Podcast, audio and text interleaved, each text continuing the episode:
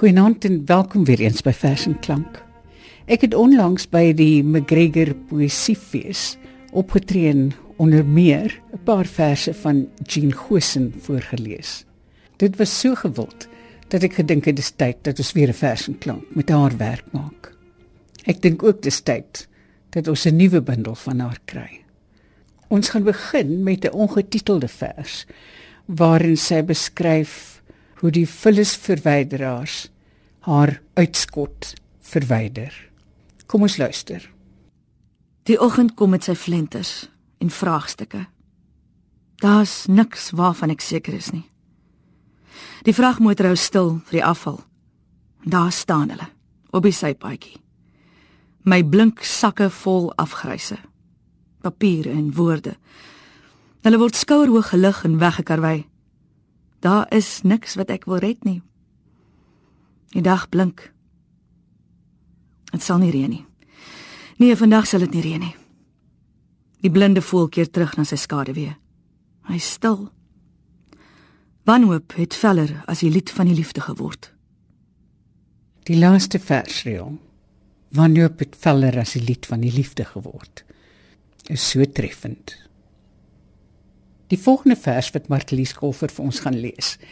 Ehm um, is een van daai wonderlike wonderlike verbeeldingsvlugte van Jean Huisen waarin sy vertrek op hierdie verbeeldingstogte en jou mees sleep, jou mees sleur daarmee. Kom ons luister. By Copernicus leen ek 'n slim slypglas en loer by die luik van die hemel in. Kepler speel met sy speels en biljart tussen die manne van Uranus. En daar is die meester ook met sy boskasie vol skoenlappers. Hy's besig. Hy brou 'n nuwe skepsel, 'n ding. Iets tussen 'n komieklike insek en 'n wollerige knaagdier. Uit papirus kry hy twee vlerke wat hy met sy spuug aan die krom skouers vasplak. Hy brand ook sy voorletters daarop uit, want dit is sy eiendom, sy maaksel. Maar wyse God altyd wys. En kyk. Hy pas twee oukei bazaar sloffies aan die potjies en met sy hakspelde speld hy 'n voorskot aan die lyf vas. God staan terug. Pyns. Sê dan nadenkend vir sy engel: Sy sal op krye wy en 'n soet reuk versprei. En ek sal haar nie aarde toe stuur nie, maar 'n woning in die hemel gee. Voortspluis God watte uit 'n wolk weef 'n twee vertrek kokon en betug wind en weer om 'n plek ten alle tye te ken. En dan druk God sy skepsel teen sy bors. Lig die snaakse gesiggie na hom en plaas sy mond op hare. God blaas. En die vlerke roer in die bries. Ek huil van vreugde uit die twee riviere van my oë. Want op aarde het my ma min gehad. Hoeveel luisteraars sit daar buite en luister en dink ja, so voel ek oor my eie ma ook. Want op aarde het my ma min gehad, sê Jean Gosen. Jean is een van die mees veelsidige mense wat ek ken. Sy het in die musiek gestudeer, sy was 'n arbeidsterapeut, sy was 'n briljante verslaggewer en 'n hoogs bekroonde skrywer. Luister na hierdie vers van haar wat weer eens hierdie verbeeldingstogte, hierdie fascinerende verbeeldingstogte aan ons bied. Terloops, die meeste van haar verse is ongetiteld. Die dag vou oop soos 'n waier. Vandag boots gisterna. Die wêreld het aanderkant hierdie gestig begin. Ek leef op 'n vloer, rook agter tralies. My sigaret is my beste vriend. Aan hom klou ek vas. 'n Mossie vlieg teen die ruit. Dit vrek met 'n oop bek. Ek huil my jurk nat omdat ek vir niks meer jammer kan voel nie. Besoek ure kom. My ma vra: "Wat is dit dan wat jy wil hê?" Ek trek my skouers op. My ma het duisend drome ingesluk. Sy luister soos 'n wyse maagd. Sy stap op blomme en dit breek nie. Nou huwelik het op 'n komedie uitgeloop. My ma het plaasnuus. Die hitte blink in die poele. Klimaat regeer. Die son dans in 'n stofstorm. Die bolle leef ondergronds. Saans waggel die rooi spinnekoppe na die huisligte toe aan. Die voelneste is van 'n weer deur die wind. Bid, smeek my ma. Ek maak my oë toe. Waar daar in sy naam vergader word, is daar rykdom en korrupsie. Dit is die armsaliges wat die kerktorings bou omdat hy wat kaal is, die koue ken, die ewige dood vrees. Skryf dan maar sê my ma. Ek toets my dood in my verbeelding uit, breek met geskiedenis, ritme en herinnerings. Die droom ontdooi, my brein bloei leeg. Ek kyk by die venster uit. Die gestig kniel by die rivier. Die siel van die blaarlose bos is silwer. Dit is 'n wêreld vol stokke. Dit staan in 'n loodregte lyn. As ek aanhou daarmee stap, sal ek uiteindelik in Hollywood uitkom.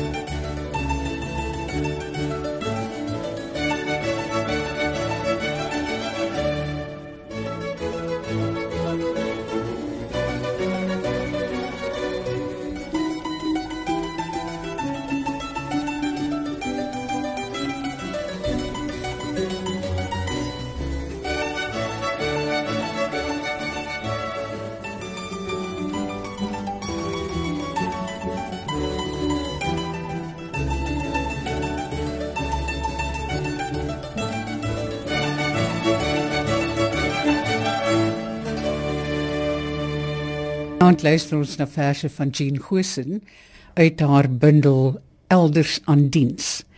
En Martlies Koffer lees vir ons die verse. Gosen is baie lief vir honde en 'n mens kan dit verstaan. Maar dit is tog interessant hoe sy die hond ervaar, hoe sy amper die hond beny. Die feit dat honde weier om geïntimideer te word deur die gemeenskap, deur die ongeskrewe reëls van die gemeenskap. Die hond met sy hare wat die Here hom gegee het, is 'n heilige. Kyk hoe mompel hy in sy slaap. Hy verlaat hom nie op begrip nie.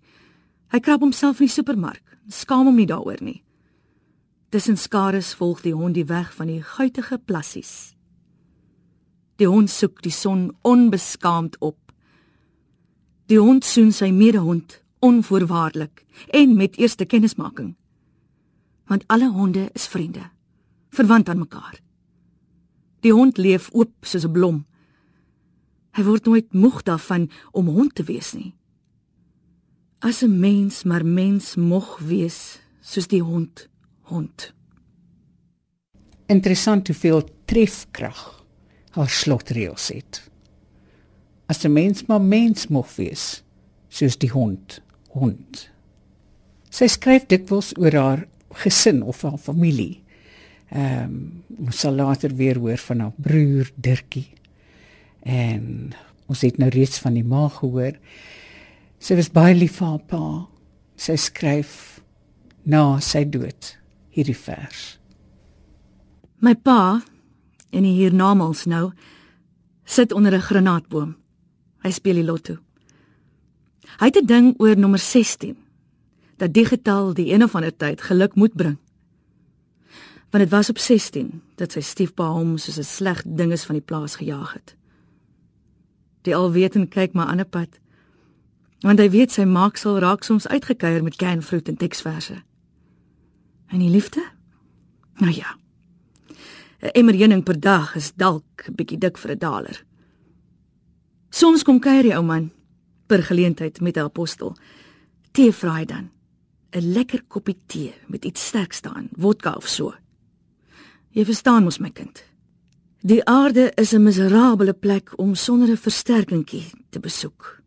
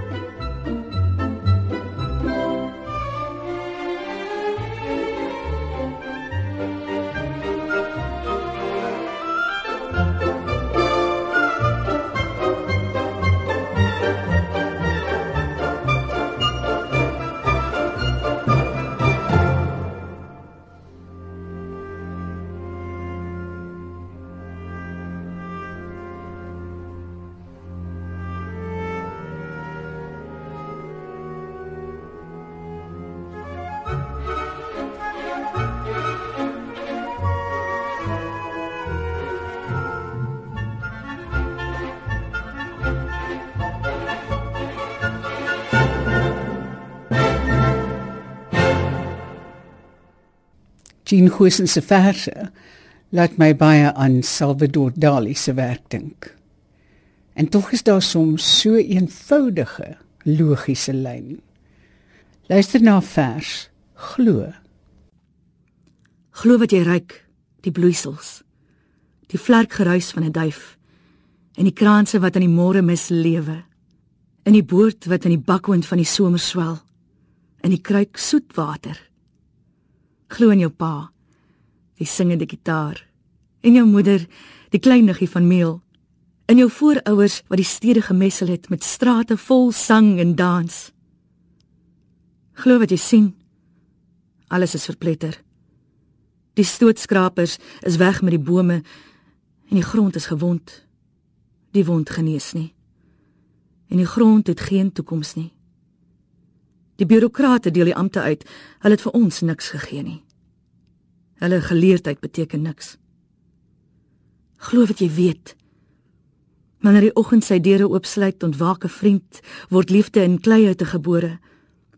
Glo in jou honger.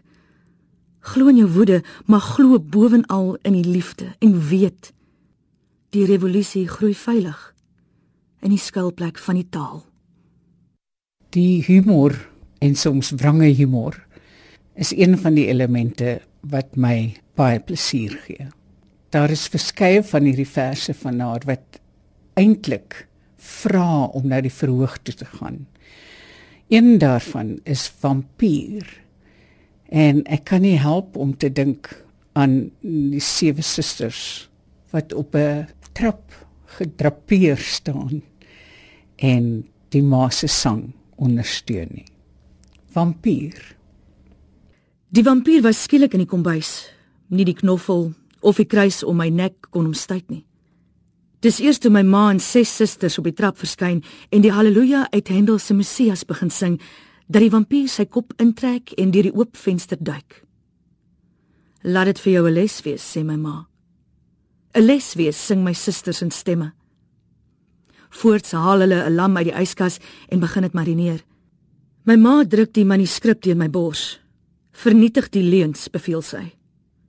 Leuns, leuns, leuns, sing my susters. Ek skeer alles op. Opeens verlaat alle angs my en ek omhels my ma en susters beurtelings. In die nag vorm my susters 'n halfmaan voor my deur. In stemme begin hulle sing: Jy's 'n drol, jy's 'n drol, jy's 'n drol, drol, drol, drol, drol, drol. Ek gaan sit by my lesenaar en begin 'n nuwe manuskrip. 'n Drol wat gestel is op sy kurwes, benodig 'n versorger, nie 'n uitgewer nie. Ons luister na Jean Huisen se werk uit haar bundel Elders aan diens van genigtig uitgewers en Marlies Koffer lees dit vir ons. Ons gaan nou luister na vers met die titel Dirkie. Dirkie is die broer.